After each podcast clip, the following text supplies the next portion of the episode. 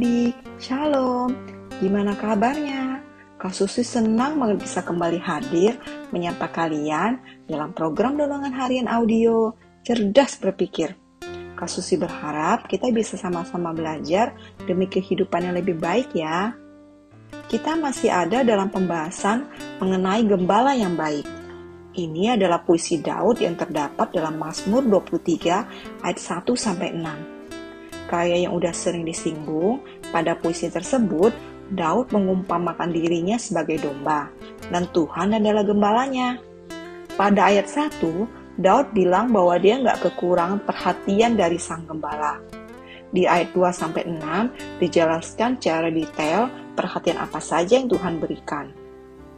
Di ayat 6 juga ada kesimpulan tentang semua perhatian yang diberikan Tuhan serta komitmen Daud. Mazmur 23 ayat 6 dicatat begini. Kebajikan dan kemurahan belaka akan mengikuti aku seumur hidupku, dan aku akan diam dalam rumah Tuhan sepanjang masa. Nah, kakak tertarik banget dengan perkataan, dan aku akan diam dalam rumah Tuhan sepanjang masa.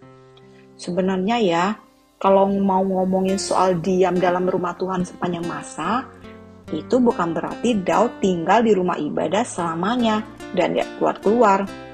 Pernyataan tersebut bisa dimaknai sebagai berusaha menyadari kehadiran Tuhan dan karenanya jadi menjaga sikap. Inilah yang disebut hidup di hadapan Tuhan. Memang sih sebagai manusia biasa, Daud juga pasti pernah melakukan dosa. Tapi Alkitab mencatat bahwa Daud dengan rendah hati mau bertobat. Nah, begitu juga dengan kita. Kita juga harus berusaha berkomitmen untuk hidup di hadapan Tuhan. Maksudnya adalah berusaha menyadari kehadiran Tuhan, dan karenanya jadi menjaga sikap. Kehadiran Tuhan memang nggak terlihat secara fisik, tapi hanya karena nggak kelihatan bukan berarti dia nggak hadir kan? Dia maha hadir, dan karenanya kita harus menjaga sikap kita, perkataan, tingkah laku, motivasi hidup, dan yang lain sebagainya. Hidup di hadapan Tuhan juga bisa berarti beribadah kepada Tuhan. Dan ini nggak cuma soal terlibat aktif dalam kegiatan kerohanian lo ya. Dalam Roma 12 ayat 1 dibilang begini, Karena itu saudara-saudara, demi kemurahan Allah aku menasihatkan kamu, supaya kamu mempersembahkan tubuhmu sebagai persembahan yang hidup, yang kudus, dan yang berkenan kepada Allah itu adalah ibadahmu yang sejati.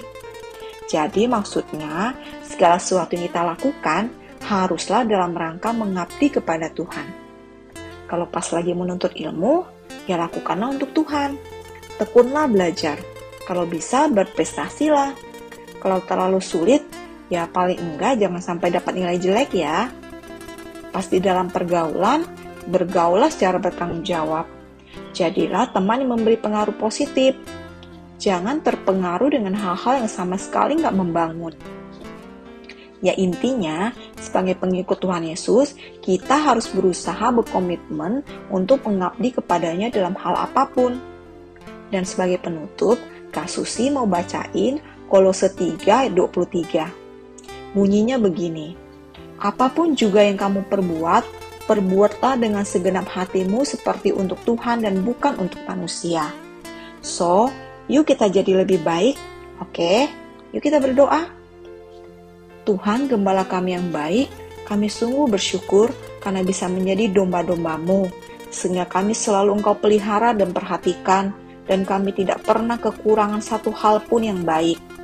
Biarlah kami bisa seperti Daud yang berkomitmen untuk senantiasa hidup di hadapanmu karena menyadari kehadiranmu dalam seluruh hidup kami sehingga apa pun yang kami lakukan akan kami lakukan untuk menyenangkan hati Tuhan, bukan untuk menyenangkan hati manusia semata.